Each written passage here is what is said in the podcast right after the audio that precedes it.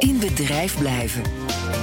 Ondernemend Nederland komt piepend en krakend tot stilstand vandaag. Maar lang niet alles gaat dicht. De meeste bedrijven werken gewoon door. Maar hoe doen ze dat? Hoe blijven ze in bedrijf? Maarten Bouwhuis is presentator van BNR in Bedrijf. Goedemiddag, Maarten. Dag Roos. Ja, jij vroeg je dat ook af, hè? Hoe blijven bedrijven in bedrijf? Ja, dat is inderdaad heel boeiend. Want zelf heb je het gevoel van alles gaat stoppen, alles komt tot stilstand. Uh, mijn dochter zit naast mij, die mag meekijken hoe papa op de radio is. We werken vanuit huis. Heel goed. Uh, en, en hoe doen ondernemers dat? Maar ik spreek veel ondernemers, natuurlijk uh, ook heel veel ondernemers in mijn netwerk. Ik heb het ook op LinkedIn een berichtje gezet. En er zijn gewoon heel veel positieve initiatieven. Er is ook heel veel pijn. Er, er, er is ook wel heel veel angst op wat er op ons afkomt.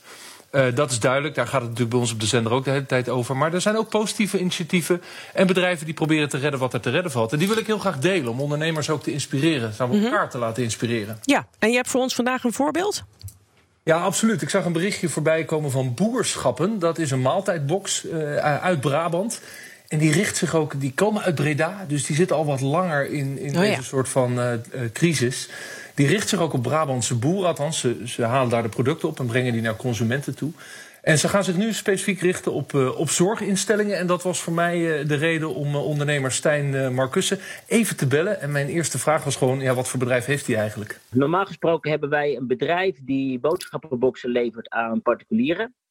Bovendien hebben we een groothandel en de producten die wij in ons bedrijf verkopen, halen wij direct bij boeren vandaan.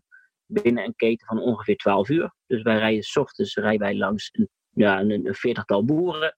En die producten liggen einde van de dag uh, in keukens, uh, overal in Brabant en ook landelijk. Um, dat is onze normale gang van zaken. En dan zeg je het al, Brabant. Je werkt vanuit Breda en, en je werkt veel met Brabantse boeren. Dus deze coronacrisis is voor jullie al net wat langer aan de gang. Ja, wij zijn vorige week vrijdag zijn wij in protocol gegaan al. En vanaf toen zijn wij al uh, maatregelen gaan nemen. Dus wij zijn al anderhalve week zijn wij wel bezig met dit virus. En je bent als ondernemer ook gaan kijken, wat kan ik doen? Uh, en heb daar ook, laten we zeggen, je aanbod ook richting zorginstellingen in aangepast. Wat, wat voor nieuwe propositie heb je in de markt gezet? Wat wij gedaan hebben afgelopen dagen is dat we, we kregen heel veel vragen van zorginstellingen, van ziekenhuizen, die toch zagen dat hun personeel en patiënten in de problemen kwamen. En wij zijn eigenlijk naar concepten gaan kijken die passend zijn bij die behoeften. En dan praat je over uh, kant-en-klaar maaltijden, dan praat je over maaltijdboxen om een paar dagen vooruit te kunnen. Maar dan kijk je ook naar maaltijdzakken, zodat mensen makkelijk en eenvoudig in 20 minuten kunnen koken. Wij kunnen heel makkelijk bepalen wat er in zo'n box moet zitten. Dus onze software die, die kan mee, onze logistiek gaat mee. We komen natuurlijk elke dag bij die boeren al.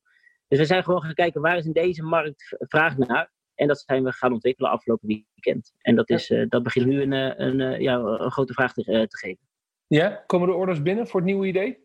We merken dat de orders, die, die komen nog niet. Want iedereen begint nu pas in te zien dat we echt wel begonnen zijn met een hele grote crisis. En dat betekent dat we nu heel veel contact hebben met zorginstellingen, dat we contact hebben met andere partijen die nu behoefte hebben om oplossingen te bieden om mensen te voeden. Vooral ook omdat supermarkten het ook behoorlijk druk hebben. Wat is het moeilijkste om je bedrijf deze kant op te kantelen en je personeel mee te nemen? Wat is het lastigste waar je tegenaan loopt? Nou, we lopen natuurlijk tegen een, een, een bestaande operatie al. Mijn boodschappenboxen die groeien in deze fase. Dus we hebben al een operationele druk met onze eigen, uh, uh, met onze eigen activiteiten. Um, we merken toch ook wel een angst bij personeel. Dus we moeten ook heel erg goed waken voor de veiligheid van onze klanten en personeelsleden. Uh, het, het, het, is allemaal niet makkelijk. Het betekent wel dat we heel goed uh, protocollen moeten maken en naleven en blijven bijsturen. Mag ik je veel succes wensen met in bedrijf blijven? Jazeker, dankjewel. En dat zei Stijn Markussen van Boerschappen. Je hoorde hem in gesprek met Maarten Bouwhuis. Ja, en Maarten wil dus graag weten hoe jij in bedrijf blijft kan door hem een LinkedIn-berichtje te sturen. Je kan hem ook een mail sturen via inbedrijf.bnr.nl. Morgen spreek ik Maarten weer.